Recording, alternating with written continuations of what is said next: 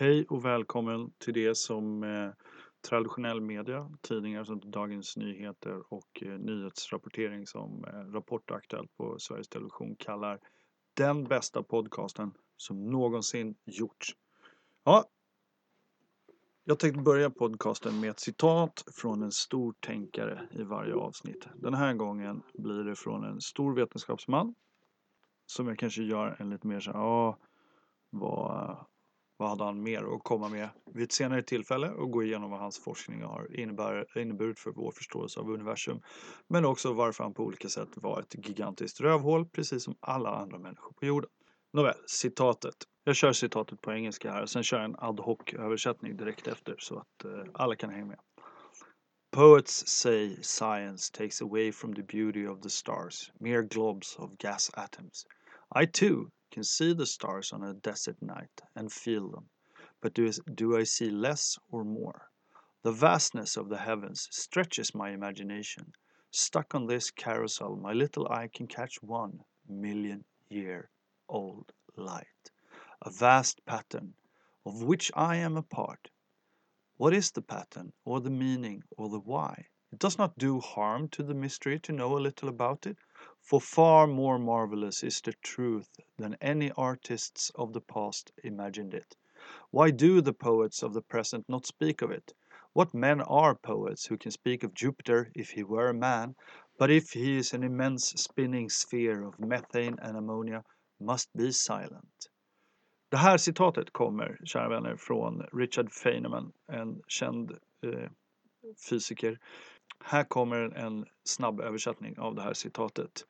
Poeter säger att vetenskapen tar bort från stjärnornas skönhet bara klumpar av gasatomer.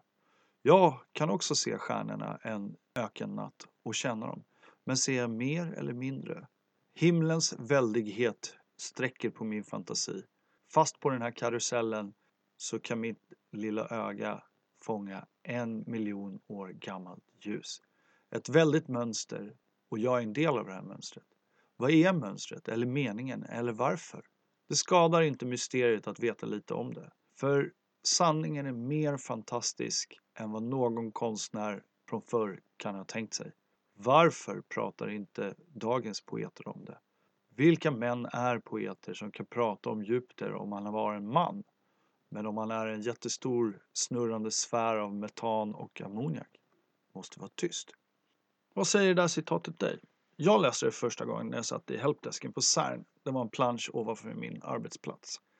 Att söka de faktiska svaren på de stora mysterierna, det är magiskt. Mer magiskt än vad vår fantasi kan hitta på. Det kanske jag stretchar lite. Vår fantasi kan ju hitta på ännu konstigare grejer kanske. Det var för ungefär 20 år sedan som jag satt där och hjälpte människor med datorproblem på extremt dålig franska. Tänk dig stackarna som ringde och fick hjälpa mig som kunde ungefär 20 datortermer på franska som ekran och réseau. När jag jobbade i Schweiz på CERN och bodde i Frankrike då fanns det inga smartphones. Det var ganska många saker som inte fanns, inte hade upptäckts, som vi inte hade förstått. Till exempel så var man inte säker då på att Higgs-bosonen existerade.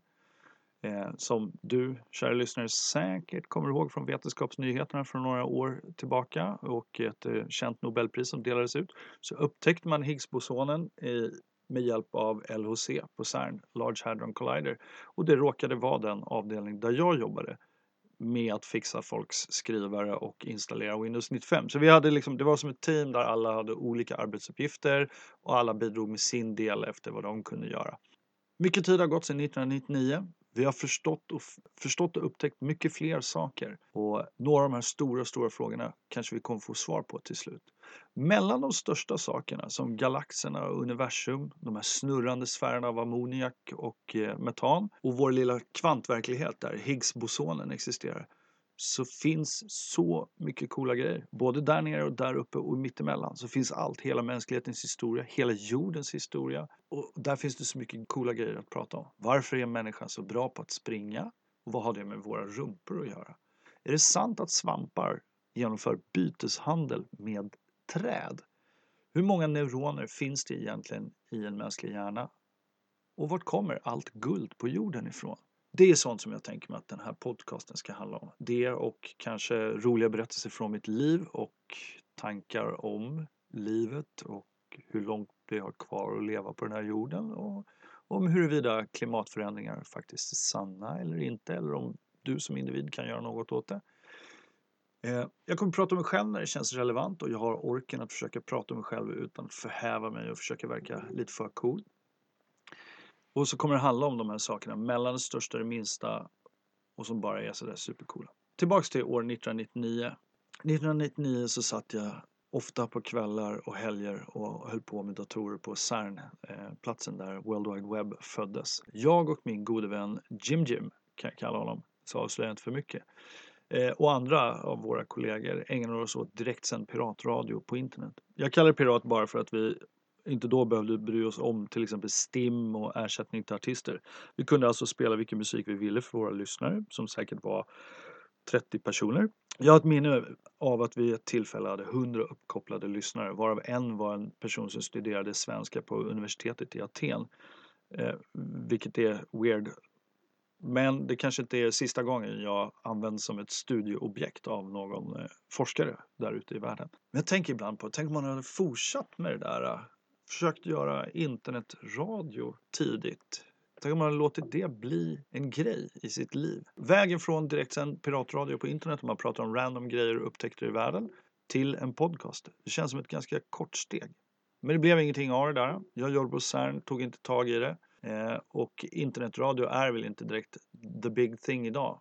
Men podcasts är ju det. Ja, ända sedan den där tiden och sen podcaster började ta fart så har jag klurat på att starta en podcast jättelänge. Men under den här resans gång, de senaste tio åren har varit fyllda med att jag eh, fick barn och sånt eh, och det brukar ju eh, ta mycket energi och tid. Under de gångna åren så har jag märkt saker med hur jag fungerar och delar av den här podcasten kommer handla om det. Mina olika sjukliga beteenden och det är för ditt högt höga nöjes skull så att du kan känna den där varma magkänslan som man får när man håller upp sitt eget helt katastrofala liv bredvid en människa som är ännu värre och så tänker man, ja kanske det är helt misslyckad ändå. Kolla på den här personen.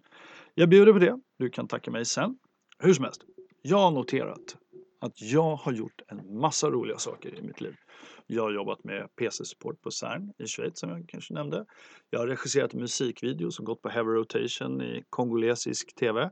Jag har drivit tv-spelsbutik, bott i Thailand, jobbat på distans, eh, dykt både med tuber och fridykning, tränat MMA med en väldigt känd fighter från eh, back in the day som heter Ninja Hua. Jag har tränat thaiboxning i Thailand.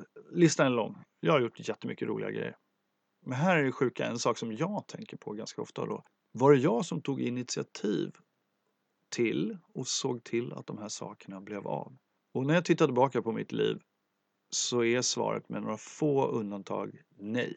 Jag tränade thaiboxning i Thailand på eget initiativ, det gjorde jag. Men när jag gjorde det senast så tog det tre månader innan jag ens åkte till gymmet. Lite konstigt. Så hur kommer det sig att jag lyckades göra någonting alls? Hur kunde jag få jobb på CERN om jag helt saknar initiativförmåga och förmåga att driva grejer själv? Ja, alla människor är lite glömska ibland, så är det. Men jag är lite mer än glömsk. Jag har ett otroligt starkt motstånd mot att börja med saker. Det känns som en smärta i huvudet att ta tag i saker och ju mer byråkratiska de ter sig, desto värre blir det. Att inte börja med saker är dåligt om man är programmerare, som jag.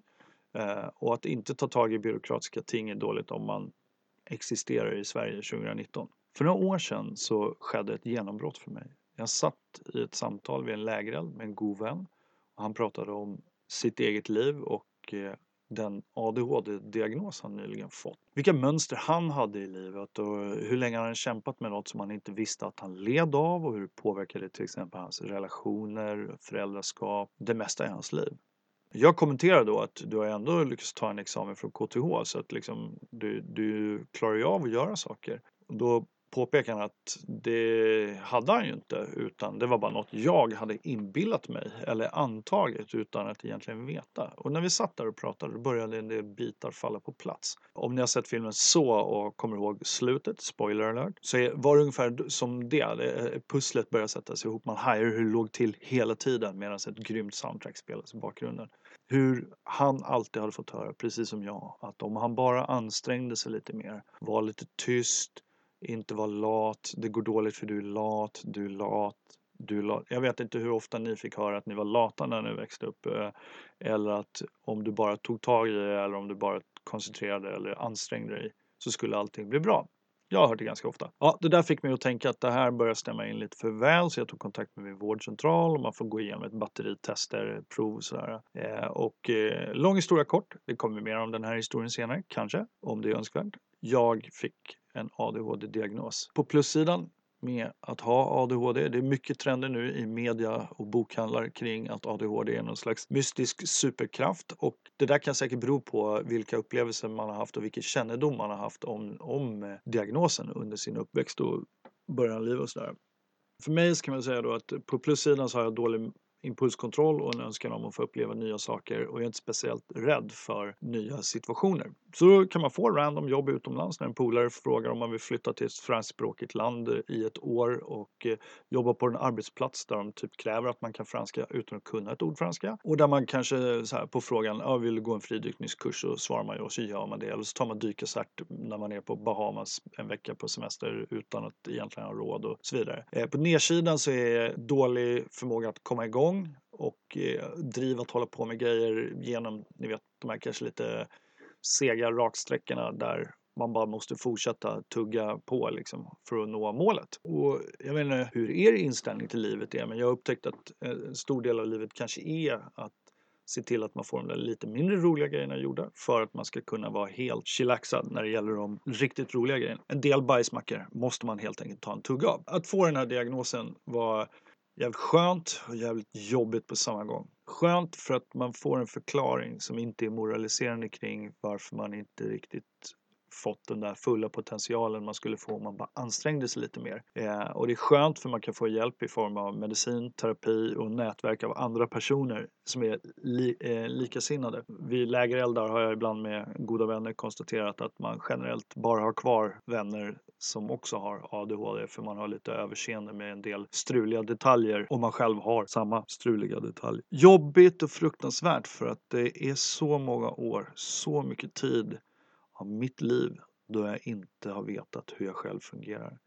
Jag har varit tvungen, medvetet och omedvetet, att konstruera strategier och mönster för att hantera mig själv och de strategierna har inte alltid varit de bästa för situationerna eller mig själv. En annan ganska jobbig grej är att man, eh, när jag fick den här diagnosen så gick jag en eh, introduktionskurs, lite så här översikt hur funkar ADHD för folk som är vuxna. Där träffar jag yngre människor som har diagnosen och fått insikten att deras liv är så annorlunda att jag känner mig lurad. En ung kvinna jag träffade på en kurs till exempel, eh, på den här kursen berättar att skolan helt enkelt lät henne plugga hemma för att hon hade svårt att fokusera och vara lugn i skolan. Så de tog hänsyn till henne Eh, jag är inte bitter.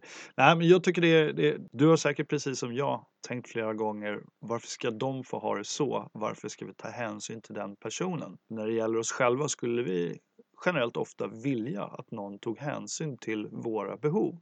Bara för att du eller jag har överlevt en grej som någon annan nu slipper överleva eller genomlida eller vad vi ska kalla det för att man tar hänsyn till deras behov betyder det inte att det var rätt att man ignorerade våra behov en gång i tiden när vi växte upp. Jag kommer förmodligen göra ett eh, helt avsnitt i framtiden eller flera avsnitt om mentala tillstånd, åkommor, ångest, ADHD, autism och liknande och vad man vet om dem och vilka behandlingar som finns och hur det faktum att jag har en ADHD-diagnos nu, vad som har gjort skillnad för mig sen jag så att säga fick den och började jobba med mig själv och hur det förmodligen har påverkat mig själv tidigare i mitt liv vad gäller olika, till exempel skolarbete, universitetsstudier och sådant. Man kan väl konstatera, nej, jag har inte heller en examen från KTH. Men eh, nu går vi vidare med den faktiska podcasten för idag. Den största skillnaden mellan människor som lyckats med saker och människor som inte lyckats med saker är att de som lyckas gör något alls och fortsätter även om de misslyckas. Och sånt. Vi brukade skoja om det, jag och en kompis, när vi som var som mest passiva under en period av arbetslöshet och sånt. Och vi hade tittat på Hajen och diskuterat Steven Spielberg som, som ju regisserade Hajen när han var 26 år gammal. Men han har också helt enkelt gjort alla saker han ville göra hela tiden. Om han tänkte sig att han ville göra en film när han var liten så gjorde han en film.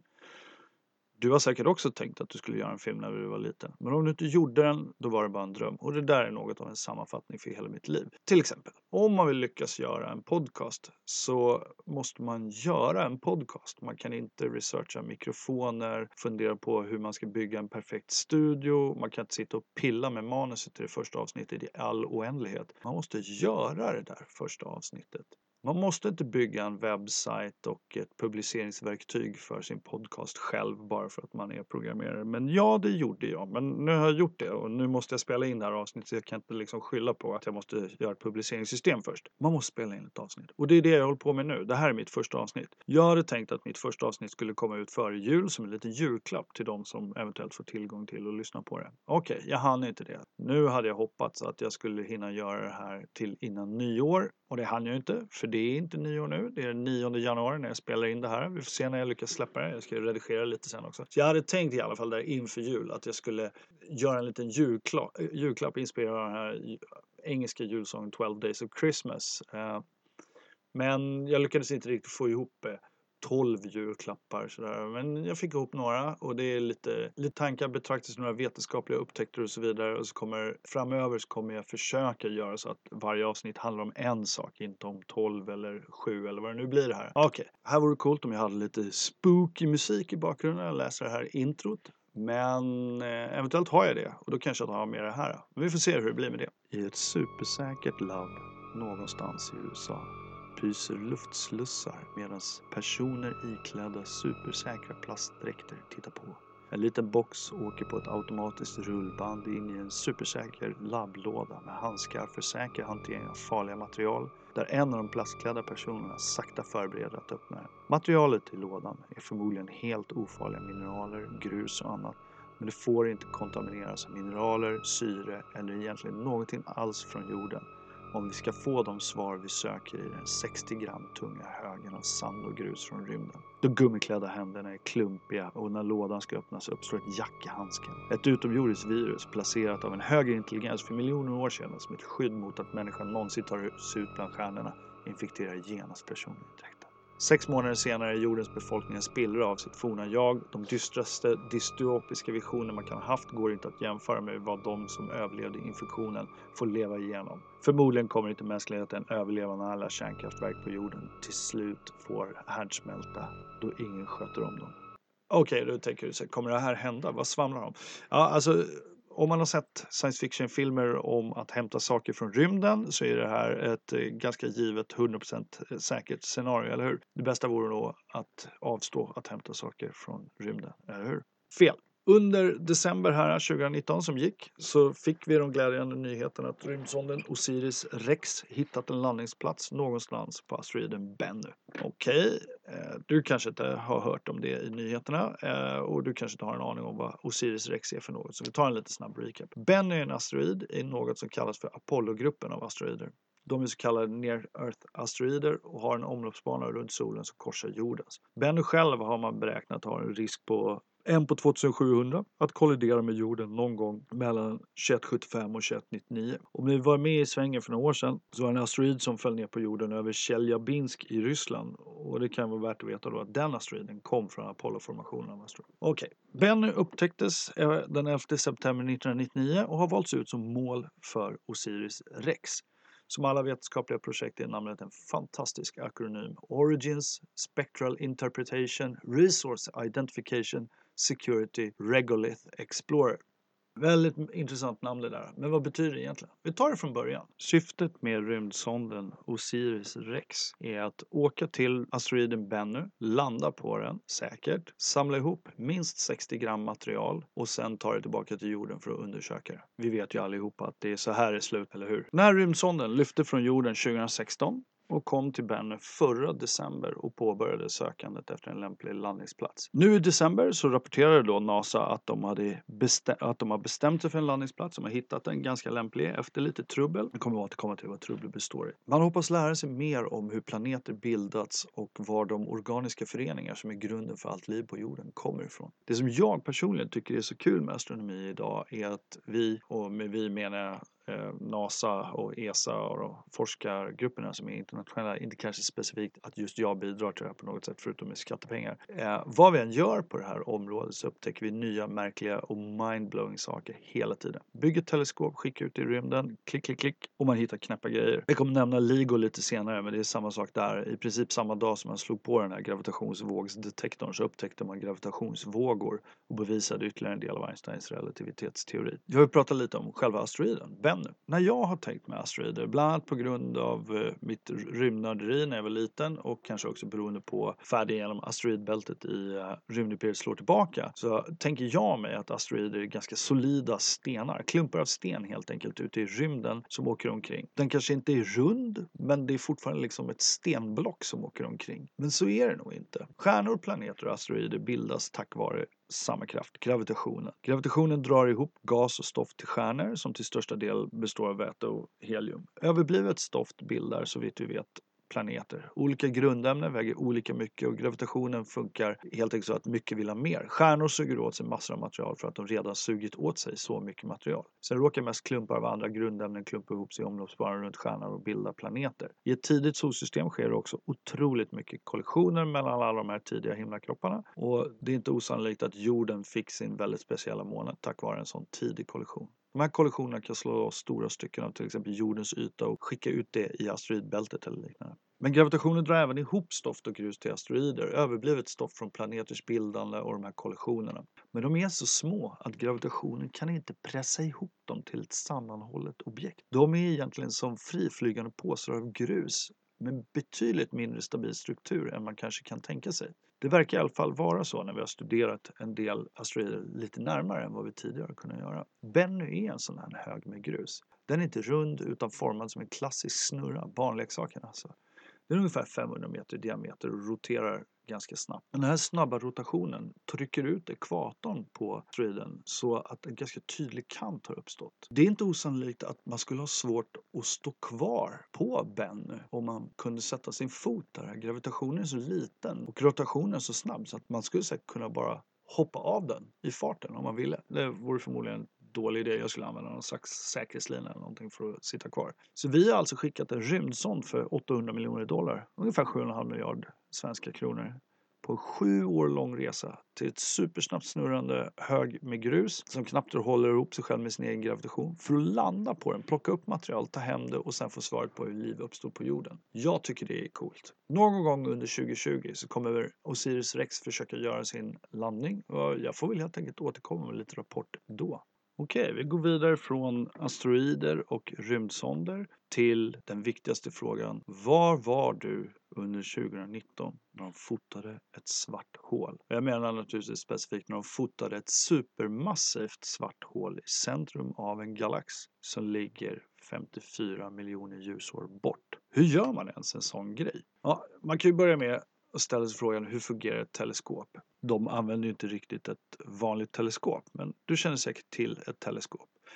Teleskopet funkar som ditt öga eller som en kamera. Man måste ha en öppning, apertur, som släpper in ljus. Ju större öppning, desto mer ljus släpper teleskopet in och desto bättre upplösning blir det. För att kunna fotografera någonting som är 55 miljoner ljusår bort behöver man en väldigt stor öppning. Kanske lika stor som jorden men att bygga ett teleskop som är lika stort som jorden är än så länge bortom vår förmåga som civilisation och det är naturligtvis en av de stora bristerna utöver att vi inte har gratis tandvård i hela världen. Men Tänk om man skulle kombinera ihop en massa teleskop och synkronisera alla observationer i efterhand så att det i princip verkar som om teleskopet är lika stort som jorden. Det kan fungera. Ett fantastiskt team samarbetar över flera år med att utveckla algoritmer och program för att analysera de enorma mängder bilddata som samlades in. Självklart kommer jag att göra ett avsnitt eller två eller fler om svarta hål i framtiden. Vi har haft bevis för deras existens ganska länge, men teorierna bakom svarta hål går hela vägen tillbaka till Einstein såklart och hans relativitetsteori.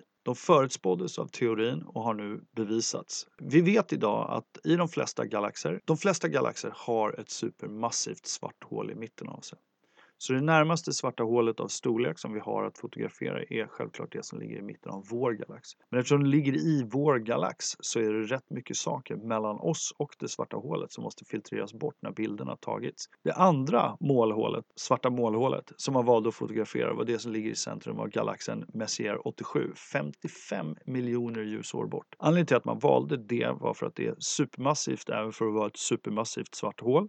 Det svarta hål som ligger i mitten av vår galax har en massa på ungefär 4 miljoner solar. Det låter som ganska mycket eftersom solen är väldigt stor jämfört med vår planet. Men det i mitten av Messier 87 har en massa på 6,5 miljarder solar. Det är ganska stort. Det är alltså tusen gånger så stort ungefär som det svarta hål som är i mitten av Vintergatan. Hur som helst, Katie Bowman, en av de som utvecklade algoritmerna för att analysera bilddata, liknar den här bedriften vid att fotografera en apelsin på månens yta. Och inte med en kamera när man står bredvid apelsinen på månens yta och heter Neil Armstrong, utan med en kamera från jorden till månens yta. Det är helt enkelt ganska svårt. Fördelen med M87-stjärna, de svarta hålen som ligger i mitten av galaxerna brukar heta M87, äh, galaxens namn och stjärna.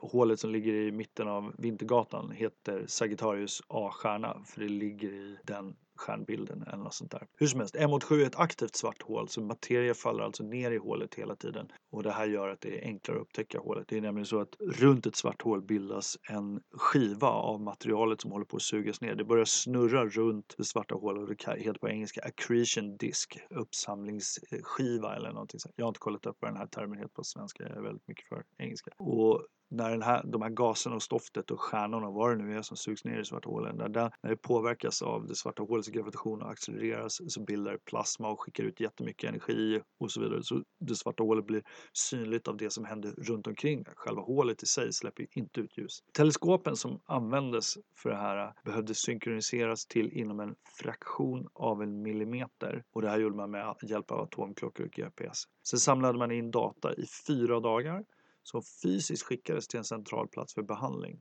Det rörde sig om så stora mängder data att ingen annan eh, lösning var realistisk. Alltså man kunde inte ladda upp det här via internet. Det var nämligen 5 petabyte. 5 miljoner gigabyte. Det är ganska mycket data.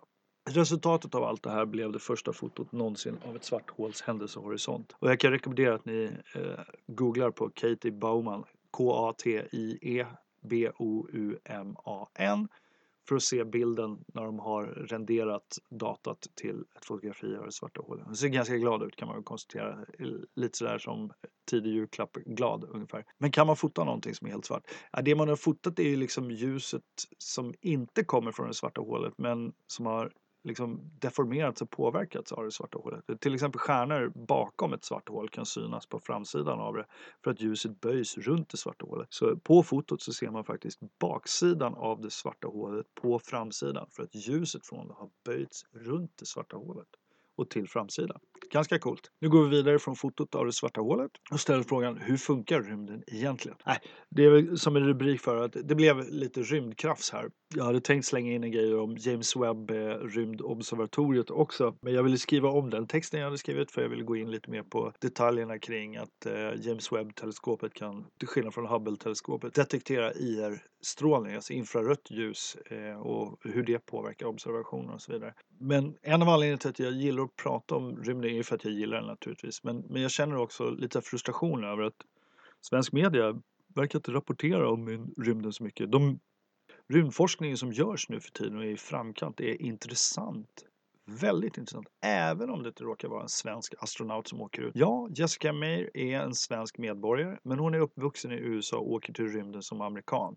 Och jag, jag är helt okej okay med att man rapporterar om henne och jag tycker att hon är cool. Men inte för att hon är svensk. Rymden är badass och fantastisk även om personer med annan härkomst än svensk råkar göra jobbet. Jag tycker hon är en fantastisk kvinna även om hon skulle råka komma från ett annat land. Jag menar, det är ju astronauter uppe på internationella rymdstationen hela tiden och de är bokstavligt talat ute i rymden och gör vetenskap. Vi borde typ bara prata om det kanske. Ja, så för mig är det så att när jag spinner iväg på en tangent om hur man räknar ut avståndet mellan saker i rymden och strukturen i Laine Keia så stirrar folk ofta på mig och eh, det kan ju vara så att jag berättar tråkigt eller pladdrig eller tar över konversationen genom att helt enkelt höja rösten så ingen annan kan få komma fram. Så kan det vara. Men jag gillar astronomi. Jag skulle vilja göra en oändligt lång serie avsnitt om astronomins historia. Det här är vår främsta front för vetenskap och vetande. Till och med en del kärnfysiker har ruttnat på acceleratorer och grundforskning och tycker att vi ska bygga fler teleskop i rymden för att blicka ut och se och förstå mer om rymden. Men hur kommer det sig att man blir intresserad av rymd? Jag kommer att göra ett avsnitt lite längre fram om den allra första astronomen eller astronomerna. Men det finns lite tankar där. Vi lever idag i stora städer där ljusföroreningar suddar ut stjärnorna som vi ser på himlen. Så vi kan inte riktigt relatera till våra förfäder och deras relation till både mörker och himlen. För en massa år sedan så blev det strömavbrott där jag bodde. Jag gick ut eftersom allt ändå var becksvart och det var spöklikt ute. Tyst och helt mörkt. Så var det alltid, varje kväll, för våra förfäder på savannerna i Afrika eller i byar med andra vikingar här uppe i Sverige till exempel. Eftersom de inte hade elektrisk belysning så såg stjärnhimlen ut på ett helt annat sätt. Med blotta ögat kan man se ett par tusen stjärnor på himlen. Men vad är de för någonting? En av de saker som vi är rätt säkra på skiljer aptankar eller apkognition från sapienkognition är vår förmåga att berätta berättelser och vår fantasi. Så om man är en stenåldersmänniska eller en protosapien på Afrikas savanner eller vad man än är, någon gång för 200 000 år sedan eller om man ständigt, ständigt varje natt möts av den mest episka tänkbara stjärnhimlen med färger, slöjor och strukturer så måste väl det sätta fart på något i den där lilla knölen i huvudet. Stjärnorna använder sig också naturligtvis för att hålla reda på tid, visa riktning, årstider och ju mer tid man hade över efter att man hade jagat och samlat, desto mer data kunde vi börja samla in. All mänsklig civilisation eh, verkar det som när jag ytligt läser böcker om historia och arkeologi har sin grund i det mest tråkiga tänkbara, nämligen bokföring. Men bokföring ligger i grunden till mycket mänsklig och civilisationsutveckling. Eh, man var tvungen att hålla reda på vem som ägde vilken mark, vilka saker, vad man har betalat, avtalsrätt och sånt där. Och, och det här ser man i de allra tidigaste samhällena, att det är bland det första man tecknar ner när man uppfinner skriftspråk och matematik och liknande. Så de här människorna som sysslar med bokföring och har en massa tid över börjar såklart bokföra stjärnorna. Det återkommer vi till i ett eh, senare avsnitt, just det här om de tidiga astronomerna. Men om man har tid över och jobbar till exempel åt kejsaren i Kina så har man tid att lägga märke till och observera Venus, hur den rör sig på himlen. Man trodde att Venus var en stjärna men man förstod att det var något speciellt med den eftersom de flesta andra stjärnor var var helt orörliga. Man kunde också notera saker som att eh, stjärnor ökar och minskar i ljusstyrka. Om du till exempel skulle gå ut idag och titta på stjärnbilden Orion som är, vi kan se den nu på vintern och den är halvnära horisonten har jag för mig. Du får googla själv på hur man ser Orion. Du kan även ladda ner en app som bara pekar ut det till den. Men den har ju tre stjärnor som är ett bälte som är ganska lätt att se. Men Orions egen högra axel, alltså så som vi pratar, den högra axeln, hans högra axel, förstår ni? Jag menar inte skit skitsamma. Orions högra axel är en stjärna som bara de senaste månaderna har tappat 50% av sin ljusstyrka. Vilket ledde till att folk sa oh, är det nu det kommer hända? För det är nämligen en stjärna som heter Betelgeuse. Jag vet inte exakt hur man uttalar det, jag bara låtsas som att jag vet det. Ehm, den här stjärnan är en av de största stjärnorna vi känner till som vi har observerat. och Det är en gigantisk röd jätte som kommer bli en supernova. Och att observera en supernova live vore ganska ballt för när Betelgeuse exploderar så kommer den lysa starkare än månen vid fullmåne jämt. Alltså även dagtid kommer vi se Beetlejuice på, på himlen lysa och det är ganska ballt. Och de här tidiga astronomerna då, som bara gjorde observationer egentligen och kanske byggde horoskop och annat ovetenskapligt med dem men de var ändå tvungna. Och astrologi kan man säga är ett sätt att försöka hitta mönster och idéer fast innan den vetenskapliga metoden så det blev bara ingenting av det ändå. Men man var ändå tvungen att observera stjärnor och notera var de befann sig. Och tack vare de här observationerna, de här protoastronomerna och deras bokföring så kunde vi koppla ihop observationer som är ungefär tusen år gamla med en nebulosa idag. De, de kinesiska astronomerna som gjorde de här eh, observationerna kallade det för en gäststjärna som alltså bara syntes under en kortare tid. Vi har kunnat lista ut att den stjärnan var en stjärna som blev till en supernova för tusen år sedan. Från vårt perspektiv sett ett helt annat tidsperspektiv där den faktiskt var. Ljuset tar ju tid att komma hit. Den nebulosan heter krabbnebulosan och man har kunnat liksom modellera ihop den till att vara en stjärna där de här observationerna har skett. Den bokföringspunkten gjordes för tusen år sedan av en människa som inte hade en aning om vad en stjärna var eller någonting. Men tack vare att de skrev ner sina betraktelser så kunde vi lista ut att de såg en supernova live. Så tänk dig själv om Betelgeuse skulle explodera imorgon så skulle du få gå ut och titta på någonting som inte händer. Alltså supernovor händer jäkligt ofta ute i universum eh, men de händer inte så ofta så nära oss att vi kan se dem. Betelgeuse är tillräckligt nära för att du ska kunna se det med blotta ögat. Eftersom jag hade tänkt mig att det här avsnittet skulle vara ett före jul avsnitt så gjorde jag lite research på eh, frågan. Jag lyssnade nyligen på ett avsnitt av en känd podcast med en känd podcastare där han nämnde Eh, den här myten som jag tänkte ta upp och jag sa, kan det verkligen stämma? Så jag gjorde lite research själv, hörde om det på en annan podcast också så jag tänkte det kanske kan finnas något i det. Eh, det här var ju tänkt att det skulle släppas innan jul så ni får ursäkta mig om jag pratar om jultomten och julgranar och sånt när ni äntligen är förbi allt det där. Eh, jag hoppas att det väcker för stark ångest. Jultomten är en komplicerad kulturell företeelse. Det är en helt magisk och påhittad figur som jag själv har utsatt mina barn för fastän jag är 100% ateist. Men som jag brukar säga att vara ateist är inte samma sak som att vara helt supertråkig. Det finns ingen Formel 1A.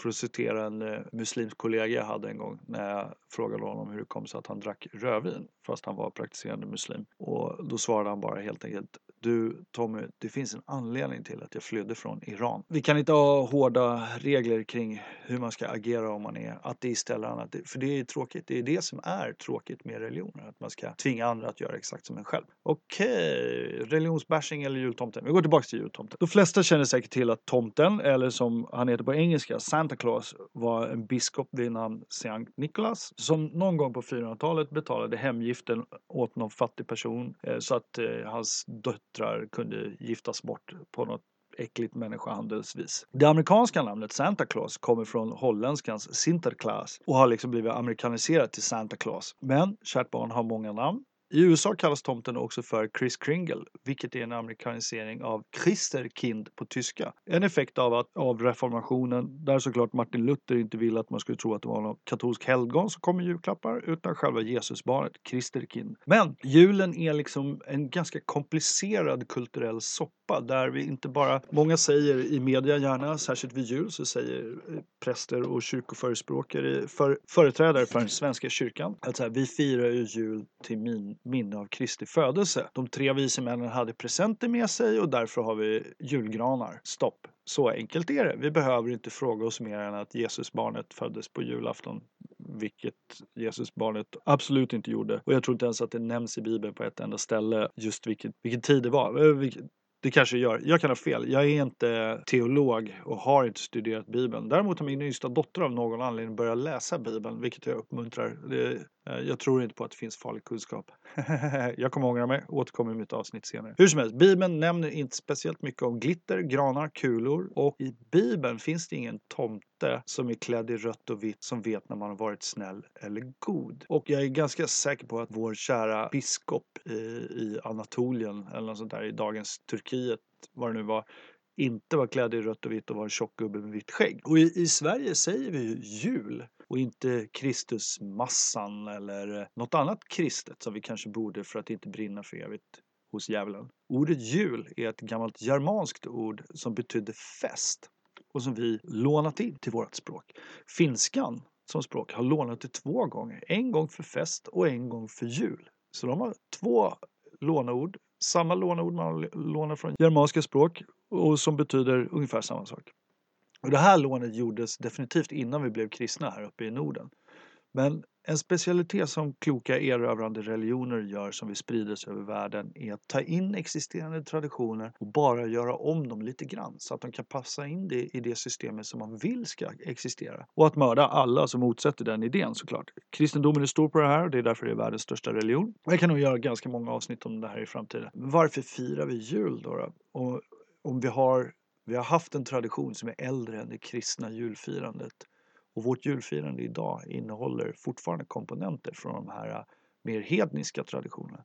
Faktum är att nästan all mitt nyårslöfte för 2020 ska vara att inte försöka säga faktum är. För det uttrycket är lite träligt och kanske kan tolkas lite som mansplaining. Varför firar vi jul då? Jo, vi har firat det väldigt länge. Alla kulturer i Europa, även de gamla romarna, firade en stor fest just runt midvintersolståndet. Just romarna är nog en av anledningarna till att Kristi födelse är satt till just runt jul. De firade ändå en stor fest och ska man få folk att följa sin religion ska man nog inte dra ner på antalet fester. Kanske är det bäst att man bara byter namn på den och gör om några av dekorationerna så att de blir lite annorlunda. Så här i norr firade vi då jul redan innan kristningen. Traditionen med julgranar kan spåras till Tyskland. Men det finns fler idéer kring jultomten och julen som jag tycker är otroligt roliga. Om du tänker dig på julen och så tänker du vad är inte kristet när du kollar på komponenterna så har vi ju jultomten, julgranen, prydnaderna i granen, presenterna och tomtens renar. Ja, då kanske du säger de tre vise männen presenter. Ja, presenter kan vara ganska allmängiltigt. Eh, och kan ju ha kommit lite var som helst ifrån. Teorin i alla fall som jag har hört och som jag har forskat vidare på lite lyder som följer. Samiska schamaner plockade flugsvamp, ja den rödvita flugsvampen som växer under granar, torkade dem genom att hänga dem i träden, granarna, för användning när det var som mörkast på vintern. Och när det var som mörkast på året då så tog de sin rensläde och åkte runt utklädd till flugsvamp, röd och vit alltså, och klättrade ner genom skorstenen eftersom det var så mycket snö så man kunde inte komma ner i jurtorna eller vad man nu tänker sig att samer bor i för vinterboenden vid den här tiden. Klättrade ner genom skorstenen till folket i samhället där de bodde och levererade torkad flugsvamp i strumpor. Där med strumporna är jag inte helt övertygad om att det är sant. Torkad flugsvamp säger du, det är giftigt. Ja, alltså det trodde jag också. Det är det man får lära sig. Dödlig, ät inte. Och det stämmer till viss del. Det jag har läst, det är väldigt svårt att dö av rödvit flugsvamp. Men om den är färsk så kan man hypotetiskt lyckas ha ihjäl sig själv. Men den är egentligen inte dödligt giftig. Däremot så är den psykedelisk. Den användes förr av ursprungsbefolkningarna i norr, samer, som sakrament och visionsverktyg. Och enligt Wikipedia så behöver man bara torka den för att den ska bli helt säker att äta men behålla de här psykoaktiva egenskaperna. Men hur blev det här jultomten då? Alltså för om det här är sant, och jag, jag har grävt lite här och det finns finns alltså kristna forskare i USA som forskar på traditioner och var de hedniska grejerna kommer in. Alltså människor som studerar teologi och religion utifrån att eh, vi ska förbjuda och förstöra allting som motsäger våra, vår bibel som vi tolkar ordagrant utan mer som så här, jag är religiös och jag gillar religion, jag, religion, jag undrar hur allt det här har uppstått. Som har skrivit böcker om det här, de alltså och jag har själv hittat bilder på nätet som föreställer sibiriska sameshamaner utklädda till flugsvampar som använder flugsvampar som sakrament. Och det säger, dock är det ju så att en röd dräkt med vita prickar är ju inte en tomtedräkt hur mycket man använder det. Så hur blev det här jultomten? Ja, en teori kan ju vara att den här seden existerat i gränserna mellan samiska folk och icke-samiska folk och därför delvis spritts. Och sen vid tiden för kristnandet av de här olika folken så tog man med delar av traditionerna i det kristna julfirandet. Schamanen blev Sankt Nikolas, svamparna blev julgransprydnader för man hängde tydligen upp svamparna i en gran man hade hemma hemma eh, som prydnader. Och, och då ser man röda kulor. Man kan tänka sig röda kulor är egentligen en moderniserad plastvariant av kanderade äpplen som man hängde förr i tiden. Den psykedeliska upplevelsen eh, som man fick av svampen blev till glögg. Ni vet, sådana standardlösningar.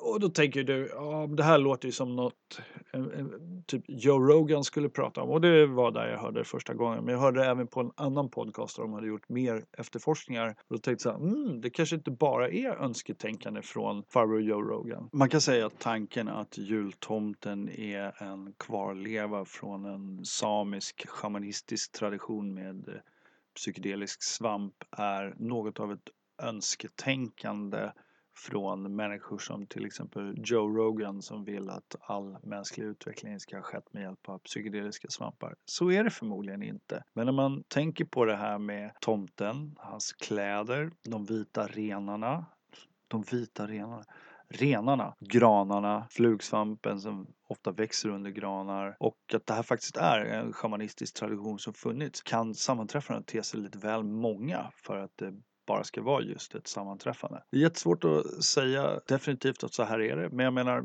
jultomten i sig, vår idé om en tomte är ju komplicerad och mångfacetterad själv. Vi, vi har säkert tagit in delar av jultomten, alltså Sankt Niklas, via kristningen. Men begreppet tomte kommer ju från ja, våra döda förfäder som levde på gården förr i tiden som har satt ut mat till vid julen som sen förändrades till att bli en gårdstomte eller en person som bor på tomten tomten. Ja. Och den rödvita jultomten blev det ju först långt senare. Gårdstomten hade ju inte rödvita kläder. Så det är som att sådana här kulturella koncept som är kanske så gamla som, ja alltså Sankt Nikolaus är ju 1600 år gammal, den faktiska personen och eh, vem vet hur gamla grunderna för de här traditionerna är och hur bortglömda den muntliga traditionen kring det är. Och det är ju faktiskt också att just det, eh, var historierna kommer ifrån och traditionerna kommer ifrån, kan också ha blivit förstört av kristenheten eftersom de många gånger vid missionerarna haft tendensen att förbjuda tidigare muntliga traditioner och sånt som går förlorade.